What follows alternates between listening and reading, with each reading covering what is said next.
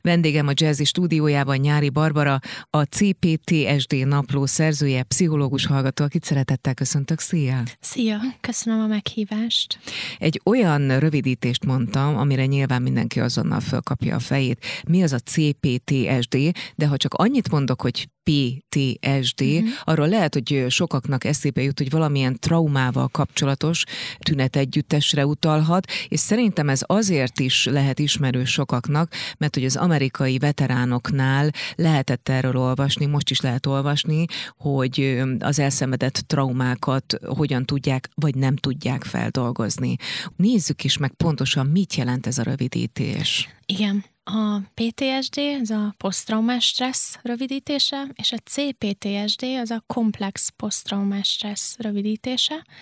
A blogom elindításának a kezdetén egyébként PTSD naplóként indult ez a blog, mert azt éreztem, hogy még annyira ismeretlen itthon, vagy kevésbé ismert ez a fogalom, hogyha egyből még hozzáteszek még egy betűt, akkor az, az meg fogja nehezíteni első körben a megélést, vagy a megértést, viszont alapvetően a PTSD, és annak a tünetegyüttese az egy bizonyos traumatikus eseményhez köthető. Tehát mondjuk egy természeti katasztrófa, egy baleset, egy családtag elveszítése, tehát ez egy alkalom, és az azután kialakuló tünetek esetén beszélhetünk PTSD-ről. A komplex posztraumás stressz az viszont nem egy traumatikus eseményhez köthető, és mindig interpersonális, ami azt jelenti, hogy egy személy bántott egy másikat, hosszan tartott, sokáig tartott.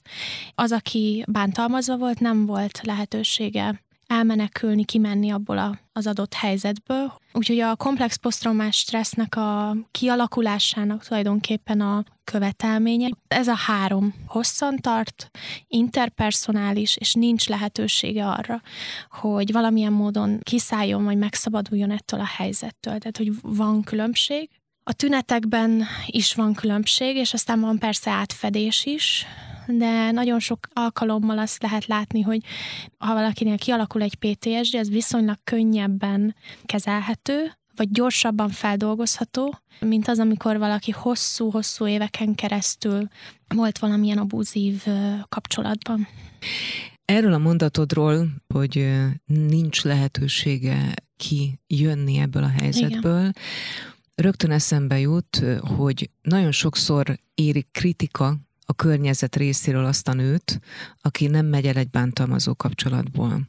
Vagy olyan helyzeteket is nyilván mindannyian látunk, amikor gyerekek benne maradnak, hiszen nincs választási lehetőségük, ha csak mondjuk gyerekvédelem nem avatkozik közbe. De így eltelnek évek, vagy akár évtizedek is, és nem tudnak meggyógyulni belőle. Nézzük meg akkor ezt a részt például, mert a legelső videód, amibe bele futottam, az pont azzal foglalkozott, hogy a gyermekbántalmazásnak mik azok a későbbi, vagy akár már azonnal látható tünetei, amik ugye a PTSD-re utalnak. Igen, valóban így van több dolgot mondtál, amire szeretnék reflektálni. Ráadásul ez Magyarországon szerintem egy viszonylag jobban tárgyalt téma, tehát a nők elleni erőszak, és ugye ott valóban mindig elhangzik az a kritika, hogy de hát miért marad benne. A komplex traumának az egyik velejárója vagy tünete lehet ez a tanult tehetetlenség. Úgy próbálom elmagyarázni, hogy mindenki számára valamilyen módon elképzelhető legyen. Ez egy ilyen kőnehéz érzés a testben, hogy hiába van nyitva az ajtó, nem tudok elmenni, mert mondjuk gyermekkoromban adott esetben úgy bántalmaztak, annyit bántalmaztak, hogy egyszerűen minden erőmet, minden energiámat, minden lehetőségemet elvették attól, hogy ki tudjak lépni abból a helyzetből, hiszen erről is szól a komplex trauma tulajdonképpen, hogy nem tudok elmenni a helyzetből. Ez egy mentális blokk. Így van, idegrendszeri tulajdonképpen. Idegrendszeri. Igen. Aha. Ez nem tud magától megváltozni. Annak ellenére, hogy valaki 8 éves, 10 éves, vagy aztán 40 vagy 50, ezek a traumák addig, amíg nincsenek feldolgozva, újra és újra és újra megjelennek, és újra játszódnak. Párkapcsolatban, munkahelyi kapcsolatban, bármilyen egyéb interpersonális kapcsolatban, tehát hogy ez egyszerűen nem arról szól, hogy nincs elég akaratereje valakinek, hanem az idegrendszer nem úgy működik, és addig, amíg nem kap segítséget az illető, addig ez így is marad. Tehát, hogy ez egy nagyon-nagyon nehéz helyzet, és nagyon stigmatizáltak azok a nők, akik bántalmazó kapcsolatban maradnak benne, pedig tulajdonképpen ez egy, egy ilyen fiziológiai vagy biológiai folyamat eredménye. A másik dolog, amiről kérdeztél, az az, hogy milyen tünetei vannak, ugye a komplex posztraumának valóban van egy olyan videóm, ahol arról beszélek, hogy mondjuk gyerekeknél lesz, hogy jelenik mm, meg. Mm. Az mondjuk, hogy bántalmazzák őket. Igen. Hát tipikusan van az az eset, amikor azt mondják egy gyerekre, hogy rossz, hogy annyira rossz, hogy kezelhetetlen, nem lehet vele semmit csinálni, nagyon rossz, és hogy ezek olyan stigmák, amiket nagyon korán megkapnak ezek a gyerekek, de a mögött az van, hogy otthon nincsenek rendben a dolgaik, és ezért az idegrendszer sem tud úgy fejlődni, működni, érni, ahogy egy funkcionális családban működnie kéne. És ezért nagyon nehezen reagálnak különböző stressz helyzetekre, változásokra. Olyan változásokra, ami mondjuk egy funkcionális családban működő vagy létező gyereknek teljesen normális, nehezen értik meg az ok-okozati összefüggéseket nagyon sokszor. És hát azt ne felejtsük el, hogy ezek a gyerekek olyan titkokkal élnek együtt, mm mert hogy a családon belüli bántalmazás, azokat mindig titkok övezik. Arról soha nem beszél senki. Mert lojális a gyerek. Így van. Innen folytatjuk hamarosan a dr. Jazzit, Nyári Barbarával, a CPTSD napló szerzőjével, pszichológus hallgatóval. Tartsanak velünk a továbbiakban is. Folytatódik a Dr. Jazzy, a 90.9 Jazzin. Vendégünk Nyári Barbara, a CPTSD napló szerzője, pszichológus hallgató, a fókuszban a komplex poszttraumás stressz szindróma. Ott tartottunk az előbb, hogy bármi rossz is történik mondjuk egy gyerekkel a családjában, azt többnyire titok övezi, mert a gyerek lojális a szülőhöz. Így van.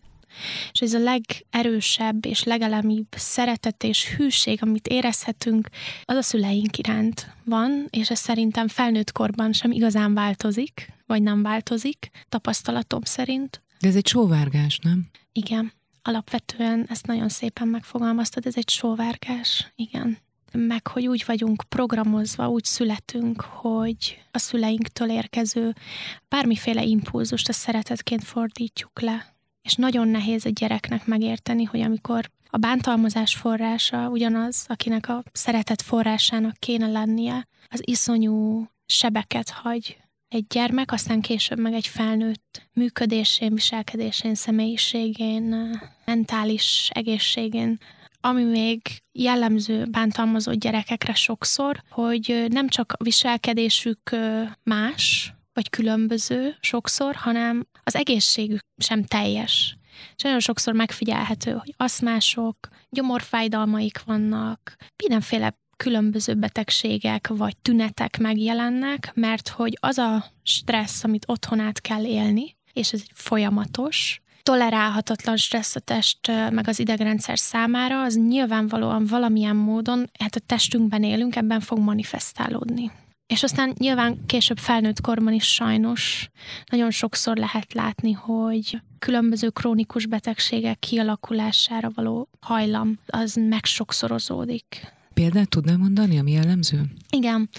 Azt hiszem, hogy a 80-as, 90-es években készült egy kutatás Amerikában, ahol az ártalmas gyermekkori tapasztalatok hatását nézték az egészségre. Ez egy óriási nagy országos kutatás volt, Tíz ártalmas gyermekkori tapasztalásról lehet beszélni, ezek az abúzus különböző formái, vállás is benne van akár, a mentális betegséggel együtt, mentális beteg van a családban például, ha függő van a családban, tehát tíz ilyen kritériumban, és azt találták, hogy ha négy feletti volt az ártalmas gyermekkori tapasztalatok száma felnőtteknél, akkor ott 12-szer, 12-ször volt nagyobb az esélye krónikus betegségekre való kialakulásnak, ami azt jelenti, hogy daganatos megbetegedések, kardiovaszkuláris betegségek, különböző légúti betegségek, aszmás betegségek, cukorbetegség, tehát nagyon súlyosan befolyásolja a test működését az, hogy gyermekkorunkban milyen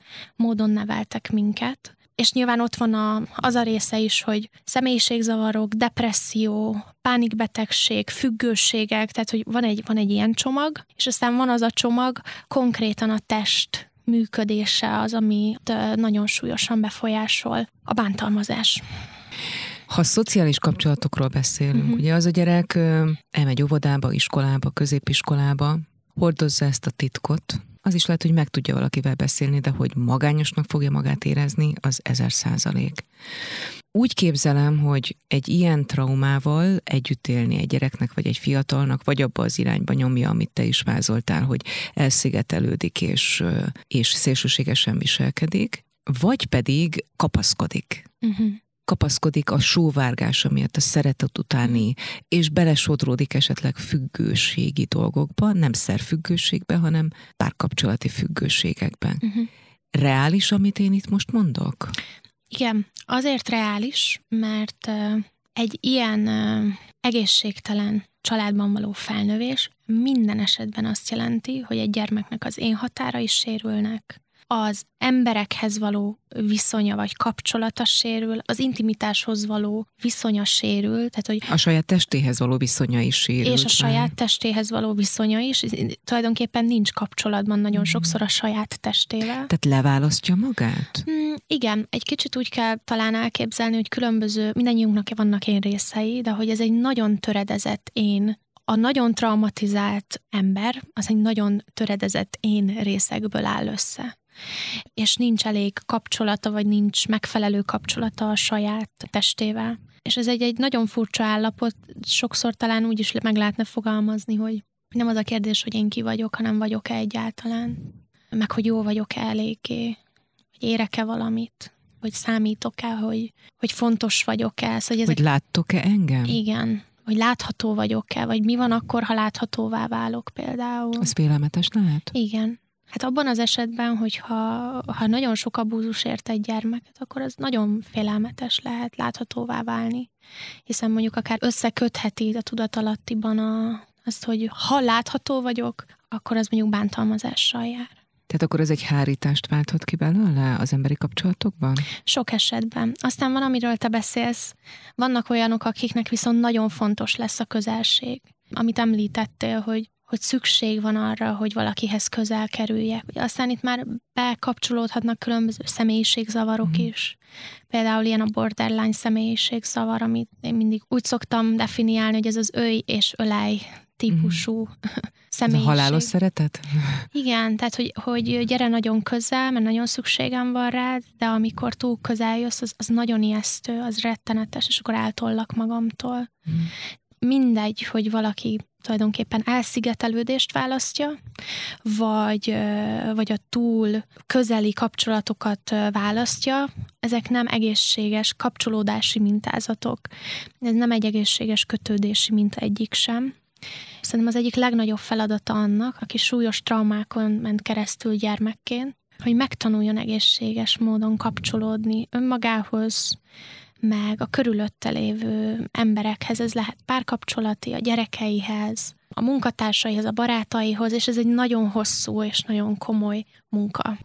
Azonnal folytatjuk beszélgetésünket Nyári Barbarával, a CPTSD napló szerzőjével, pszichológus hallgatóval, a fókuszban a komplex poszttraumás stressz szindróma. Ez továbbra is egészségmegőrző műsorunk, a dr. Jazzy vendége, Nyári Barbara, a CPTSD napló szerzője, pszichológus hallgató, a fókuszban a poszttraumás stressz zavar.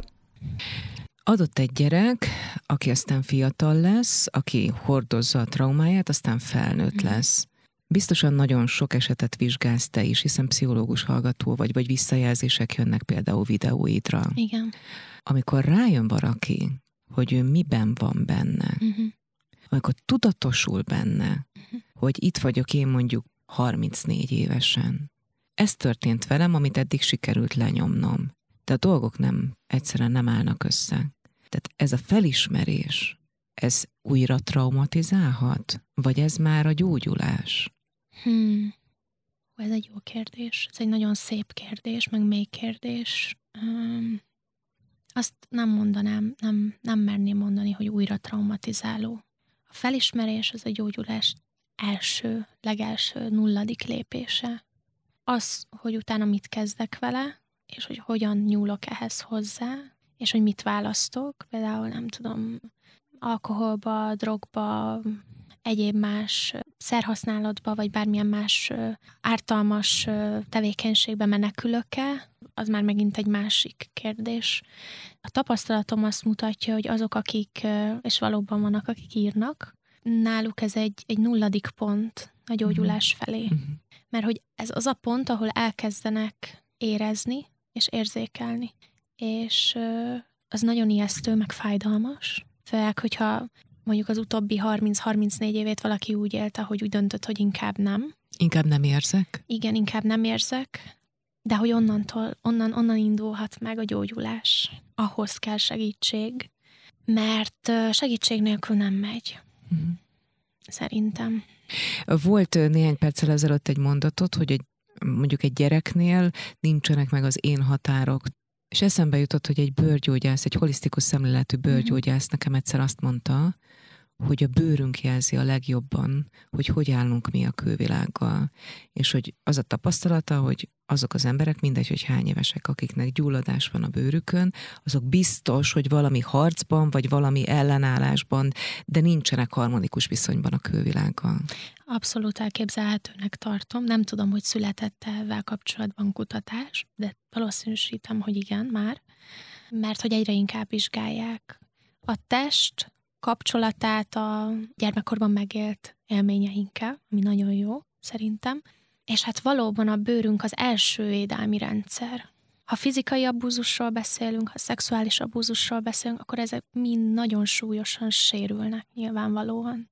Ahogy a test egésze is a elviselhetetlen mennyiségű stressztől, a bántalmazástól, és hogy alapvetően ennek mindig van valamilyen lenyomata a testben. Ez bőrbetegségekben is megjelenhet akár, de bevallom őszintén, hogy nem, nem olvastam részletesen utána a bőrbetegségek uh-huh. és a gyermekkori traumák kapcsolatának. Viszont ezt a beszélgetés elején mondtad, hogy az idegrendszernél nagyon komoly Igen. geppek alakulnak ki, viszont az idegrendszer az ugye együttműködik a hormonrendszerrel, Igen. Igen. és az egész, voltak éppen az egész testünk Igen. ugye leválaszthatatlan egymástól, tehát ha idegrendszeri problémák lesznek, akkor biztos, hogy lesz hormonális probléma is. Igen. Rögtön ott találjuk magunkat az autoimmunbetegségeknél. Igen. Igen, ez most egy fő kutatási fókuszom, a szakdolgozatom is ebből írom, úgyhogy a statisztikai próbákat már elvégeztem, és hát az van, hogy itthon még ez egy kevéssé vizsgált téma, vagy legalábbis én úgy látom. Tehát amerikai szakirodalmat olvasol? Igen. Uh-huh. Igen, igen. Viszont a tengeren túlon meg egyre inkább vizsgált kérdés, de ott is még azért nagyon sok munka áll a szakemberek előtt, és alapvetően az van, hogy a gyulladásos betegségek és a gyermekkori traumák között találtak összefüggést és korrelációt. Egyre több olyan tanulmány születik, ahol megerősítik ezt a, a hipotézist. Egyébként személyes indítatás, nekem is van autoimmun betegségem, meg autoimmun jellegű gyulladásom is volt hosszú évekkel ezelőtt az, hogy a test időről időre egyébként is néha gyulladásba kerül, megmagyarázható oknál fogva, azért emiatt kezdtem el ezt kutatni. Azért mondom és hangsúlyozom, és egyre inkább hangsúlyozom a blogon is, hogy, hogy nem lehet ketté választani azt, hogy érzelmileg milyen állapotban vagyok, vagy mentálisan milyen állapotban vagyok, és hogy a testem milyen állapotban van. Tehát, hogy nagyon jó lenne, és fontos lenne a szakemberek számára is, hogyha hogyha ezt egyben tudnák nézni egy olyan páciensnél vagy kliensnél, aki esetleg gyermekkori traumákkal vagy gyermekkori abúzus miatt megy el mondjuk egy terápiába, mert nem lehet leválasztani a testet, a test működését arról, hogy az ember mondjuk hogy viselkedik, vagy hogy van a kapcsolataiban. Úgyhogy azzal is aktívan foglalkozni kell a teljes gyógyulás érdekében, már amennyiben létezik teljes gyógyulás. Innen folytatjuk hamarosan beszélgetésünket Nyári Barbarával, a CPTSD napló szerzőjével, pszichológus hallgatóval. Tartsanak velünk a továbbiakban is. Ez továbbra is a dr. Jazzy, a vendég Nyári Barbara, a CPTSD napló szerzője, pszichológus hallgató, a fókuszban a komplex poszttraumás stressz szindróma. A kutatási területednél jártunk az imént, azaz a PTSD vagy CPTSD és a gyulladásos betegségek közötti összefüggéseknél. Egy ilyen típusú gyulladás vagy gyulladás sorozat esetében rögtön gyógyszeres kezelésre uh-huh. gondol az ember. Igen. Csak aztán lehet, hogy a test keres magának egy másik szelepet, és megmutatkozik ott a gyulladás. Fontos-e a gyógyszeres kezelés? Uh-huh. Melyik pontnál érdemes mondjuk pszichoterápiát bekapcsolni. Mert úgy képzelem, hogy amikor az ember rájön a saját sérülései súlyára, uh-huh. akkor azonnal akarja javulni, és azonnal meg akarja változtatni az életét. Uh-huh. De ez egy folyamat. Igen. A gyógyszeres kezelés, én azt gondolom, hogy vannak olyan helyzetek, amikor fontos, mert egyszerűen nem, nem működik másképp, nem lehet másképp megoldani, nem lehet másképp csillapítani azt a gyulladást például a testben, igenis előfordul, hogy szükség van rá, tehát én abszolút nem vagyok gyógyszeres kezelés ellen.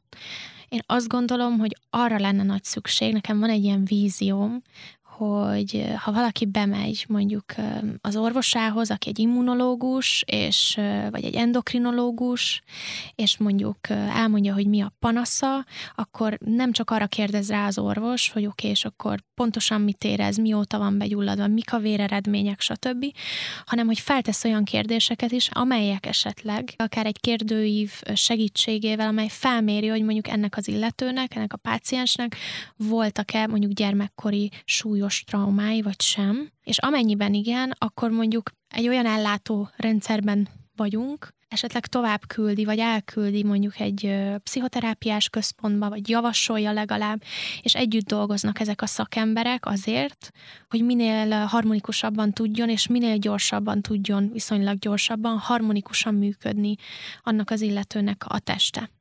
Ez lenne az optimális, és ez egy vízióm, hogy ez valószínűleg nem 5-10 év, lehet, hogy 40 év, vagy 50 év. De, de hogy... ez, egy, ez egy társadalmi szemléletátalakítást Igen. is jelentene, Igen. mert hogy még mindig tabusítjuk. Igen a családon belüli erőszak Abszolút. kérdését? Vagy bármilyen trauma kérdését? Abszolút. Nagyon nehezen beszélnek róla az emberek. Azt gondolom, hogy ez a, ez a szégyen is, meg a család iránt érzett iszonyú hűség, ami érthető, hiszen hiszen így vagyunk kalibrálva, így születtünk a világra, hogy a szüleink iránt érzett hűség a legerősebb. Meg hát nyilván ez nagyon sok fájdalommal jár szembenézni azzal, hogy lehet, hogy mégsem volt annyira jó vagy funkcionális a mi családunk, egyáltalán az a szembenézni, hogy mondjuk amit én szeretetnek interpretáltam, az mondjuk bántalmazás igazából. Tehát, hogy ezek óriási belső konfliktusok, meg fájdalmak, és nem mindenki szeretne ezzel szembenézni, és nem mindenki tud ezzel szembenézni. Tegyük fel, hogy szembenéz vele valaki, uh-huh. felnőttként akár. Ahogy mondtad, a családhoz való hűség az szinte mindent felülír mégis azt mondják, például narcisztikus szülő esetében, vagy pár esetében, hogy a kapcsolat megszakítása az például a gyógyuláshoz vezető út. Szerintem ez is egy nagyon komoly tabu, mert az ember mélyen belül árulásnak fogja megélni, hogy megszakítja a kapcsolatot olyan emberekkel, akiktől mondjuk az életet kapta, vagy akiktől jó dolg, szerinte jó dolgokat is kapott. Igen, ez a kérdés is nagyon sokszor felmerül, amikor írnak az emberek. De nekem, vagy az olvasók, vagy hallgatók, hogy mit gondolok, hogy meg kéne szakítani a kapcsolatot, és én nem tudok álláspontot foglalni ebben, mert hogy szerintem ez az egyik legnehezebb kérdés. És hogy erre nincs egy jó válasz, hogy már pedig, hogyha én rájövök arra, hogy az én mamám vagy az én papám narcisztikus volt, és iszonyúan bántalmazó, akkor én úgy döntök, hogy holnap és soha többé nem állok vele szóba. Azt gondolom, hogy a saját én határaink egyáltalán megérzése, és utána annak a meghúzása eredményezhet esetleg egy olyan másfajta kapcsolati dinamikát, amiben valaki biztonságban tudja magát érezni úgy is, hogy nem fordított teljesen hátat a szüleinek, vagy a nagyszüleinek, vagy a párjának, és aztán biztos vannak olyan extrém vagy kirívó esetek, amikor ez nem elég de azt gondolom, hogy a gyógyulás felé vezető út első lépése nem biztos, és nem mindig, és nem föltétlenül az, hogy nemet mondok azonnal a családomra. Mm. Én ezt gondolom, és hogy ez egy nagyon-nagyon nehéz kérdés, mert amikor a szeretet forrása, meg a bántalmazás forrása ugyanaz, és évekig, évtizedekig ugyanaz, arra nem lehet azonnal nemet mondani. Egyébként most, hogy az erőszakról beszéltünk egy pár mondatot, az is eszembe jutott, hogy milyen érdekes, hogy akár az erőszakot is gyakran fizikai erőszakkal vagy szexuális erőszakkal párosítjuk, miközben a durva verbális erőszak az képes pont ugyanúgy szétszedni egy gyereknek a testét, lelkét, szellemét, egy felnőttét is nyilván. És mégis úgy gondolom alábecsüljük a verbális erőszakot. Abszolút. Az érzelmi bántalmazás, amiben benne van a verbális erőszak is, vagy verbális abúzus is beletartozik, az egy abszolút még tabubb téma, és még megfoghatatlanabb. Hogy most akkor mi számít annak, hogy most jó, hát most azért, mert néha azt mondta, hogy az nem azt jelenti, viszont ami az idegrendszerben történik, kutatások szerint, sok esetben súlyosabb hatása van, mint mondjuk a fizikai abúzusnak. Tehát, hogy ha belegondolunk, akkor tulajdonképpen nem, hogy egy enyhébb bántalmazási forma, hanem egy majd, hogy nem súlyosabb bántalmazási forma az érzelmi ö, bántalmazás.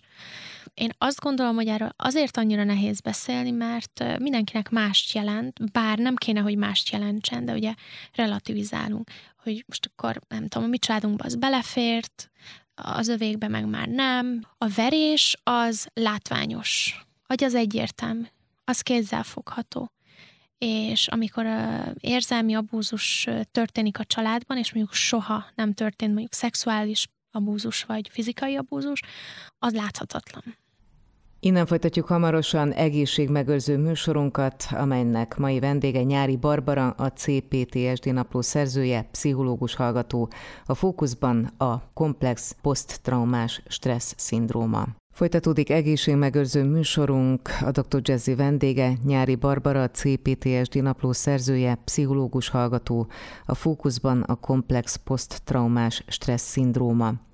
Ott jártunk az imént, hogy gyakran talán alábecsüljük az érzelmi bántalmazás, azon belül is a verbális abúzus jelentőségét, miközben rendkívül negatív hatása lehet bárkire. Nagyon sokszor a gyermek számára is megfoghatatlan, láthatatlan, hát de igazából mi jól éltünk, ugye? Mi megkaptunk mindent, minket nem vertek soha, és akkor ezzel úgy az ember valahogy így elkezdi ezt meglágyítani. Igen, elkezdi relativizálni ezt Igen. az egészet. Igen. De pont ettől még nehezebb lesz a felismerés Igen. és a gyógyulás is. Igen, igen, igen, nagyon nehéz. Eltelhetnek úgy évtizedek, hogy azt gondolja valaki, hogy ő egy nagyon szép családban nőtt fel. Hallottam ilyet, hogy de hát jó módban nőttünk fel Budán, nekünk mindenünk megvolt, hogyha ez a norma otthon, hogy velem így beszélnek, vagy hogyha van valamilyen érzelmi szükségletem, és az arra nem reagál a mamám meg a papám, és ez a normális, mm-hmm. akkor egyszerűen el sem tudom képzelni, hogy valójában ez nem normális. Hogy ez nem, nem az, ahogy mondjuk működnie kéne egy családban a különböző szerepeknek. És burokban élünk mindannyian, ugye a családunkban élünk, az iskolában azért keveset beszélnek általában a gyerekek arról, hogy otthon most a, nem tudom, azon kívül, hogy ki mit kapott ajándékba a szüleitől, vagy mit tudom én, tehát alapvetően ezekről, ezekről a mélyebb témák nem is beszélnek a gyerekek, nem az ő tisztük, nem szoktak. Tehát tulajdonképpen nem feltétlenül tudják, vagy nem, nem egyértelmű, hogy ami velük történik, az mondjuk nem, egyáltalán nem normális. Elképzelhetőnek tartod-e, hogy valaki akkor realizálja, hogy mi az, ami benne dolgozik, vagy mi az, ami az ő családjában vagy környezetében történt, amikor gyerekei lesznek. És aztán a mintákat kezdi el felismerni, hogy ho, itt, itt valami nem oké. Igen, abszolút. Szerintem egy iszonyú erős trigger egy gyerek érkezése egy, egy családba. Annak ellenére, hogy mondjuk valaki relativizálja az őt ért érzelmi bántalmazást otthon, általában ezek az emberek ugyanúgy érzik, hogy valami nem jó, valami nem oké velük, hogy nem teljes az életük, hogy nem boldogak, hogy nem tudnak olyan minőségben kapcsolatokat kialakítani, hogy az intimitással vannak problémáik, hogy hát azok, amikről idáig beszéltünk, tehát hogy, hogy valami nem jó, de nem tudja megfogalmazni, hogy mi, hiszem nálunk minden rendben volt. Ez egy sokkal kritikusabb helyzet, mint amikor ki van rakva tényleg az, meg egyértelmű, hogy hát engem minden nap megvert, vagy az anyámat minden nap bántotta, mert megfoghatatlan. Viszont a gyermek érkezése az valóban tud, ki tud váltani olyan felismeréseket, reakciókat, amik nagyon szépen meg tudnak indítani különböző folyamatokat, hiszen én úgy képzelem, hogy egy gyermekem arcában saját magam sérülékenységét is látom, meglátom. És, és akkor... ezzel a saját keménységemet is, ha időközben kemény lettem, Igen. azt is tudom lágyítani. Igen. Nagyon-nagyon kevés időnk maradt, és még ezernyi kérdés van a fejemben, de a trigger szó elhangzott uh-huh. az mhm. előbb, és szerintem ez sokaknak érdekes lehet. Uh-huh. Látom az arcon, hogy ez egy ilyen nagyon, nagyon ingoványos terület, de csak néhány mondat erejéig nézzük meg arra kérlek, hogy, hogy hogy van az, hogy ezek a bizonyos triggerek beindulnak. Tehát úgy kell ezt elképzelni a gyakorlatban, hogy egy adott szituációban vagyok, és egyszer csak megmagyarázhatatlanul ingerült leszek, vagy agresszív leszek, vagy sírni kezdek, vagy hogyan történik ez pontosan? Többféle trigger létezik, sok minden triggerel. Triggerelhet egy helyzet, egy hang, egy illat, a gyermekem születése. De ez tudattalan, ugye? Tudattalan, igen, tudattalan. És ugye sokan úgy képzelik el, hogy most a triggerelve vagyok, az azt jelenti, mint a filmekben, hogy akkor így visszamegyek az időben, és akkor megjelenik előttem a kép, és akkor ugyanaz lejátszódik, de hogy én azt gondolom, hogy ezek inkább érzelmi, ilyen flashbacknek hívják, ami ilyenkor előjön, tehát hogy ugyanazokat a dolgokat élem át hirtelen, amit nem tudom, négy évesen, egy évesen, öt évesen, tíz évesen, és hogy a helyzet az valamiért engem nagyon emlékeztet arra, amiben én akkor voltam. És a trigger az, az lehet még egyszer, tehát egy hang, egy, egy illat, egy olyan helyzet, egy pillantás, ami kiváltja és visszavisz tulajdonképpen a múltban. Ugyanis a traumatizáltságnak az egyik jellemzője az az, hogy én nem az itt és mostban élek, hanem a múltban élek. És hogy a múltban vagyok, és már teljesen mindegy az is, hogy már rég lehet meghaltak az, az életemnek azok a szereplői, akik a múltban engem bántalmaztak, akik nagyon sok rosszat elkövettek ellenem, de, de a testem, az idegrendszerem, az mégis még mindig ugyanabban a, a múltban van, és hiába vagyok én itt a jelenben, ezt nem tudom megélni. És ezek a triggerek azok, amik tényleg ártatlan dolgok, amik újra és újra sokkal erősebben visszahúznak abba. Tehát visszalök? Igen, így van, abba egy bizonyos helyzetekbe, a múltbéli helyzetekbe. Kell ahhoz elég tudatosnak lenni, hogy amikor a trigger benyomódik, uh-huh. akkor én azt mondjam egyfajta önreflexióval, hogy hopp, ez az. Igen, ezt tanulni kell. Ezt tanulni igen, kell. Ez, ez tanulható, sok munka, és nem mindig sikerül egyébként, de, de ha az esetek 80-90%-ában az ember már erre tudatos, és tudatosítja, azért ez egy iszonyú megkönnyebbés, amikor azt mondom, hogy jó, hát ez, ez csak egy trigger, ez, ez volt, ez ámult, de én most itt vagyok, és most itt biztonságban vagyok. Tökéletes végszó, és annyira reménykedem benne, hogy amikor már a kutatási területednek is lesz majd egy ilyen kézzel fogható uh-huh. része, mint például ugye a, a mostani tudományos munkád, és újból tudsz videókat készíteni, akkor visszatérhetünk ide a Jazzy stúdiójába, és folytathatjuk ezt a témát. Nagyon örülnék, és köszönöm szépen. Önök a mai Dr. Jazzyben Nyári Barbarát, a CPTSD napló szerzőjét, pszichológus hallgatót hallották. Nagyon köszönöm, hogy összekapcsolódhattunk. Köszönöm. Önöknek pedig megköszönöm megtisztelő figyelmüket. Mára búcsúzik a szerkesztő műsorvezető Hávarga Marian.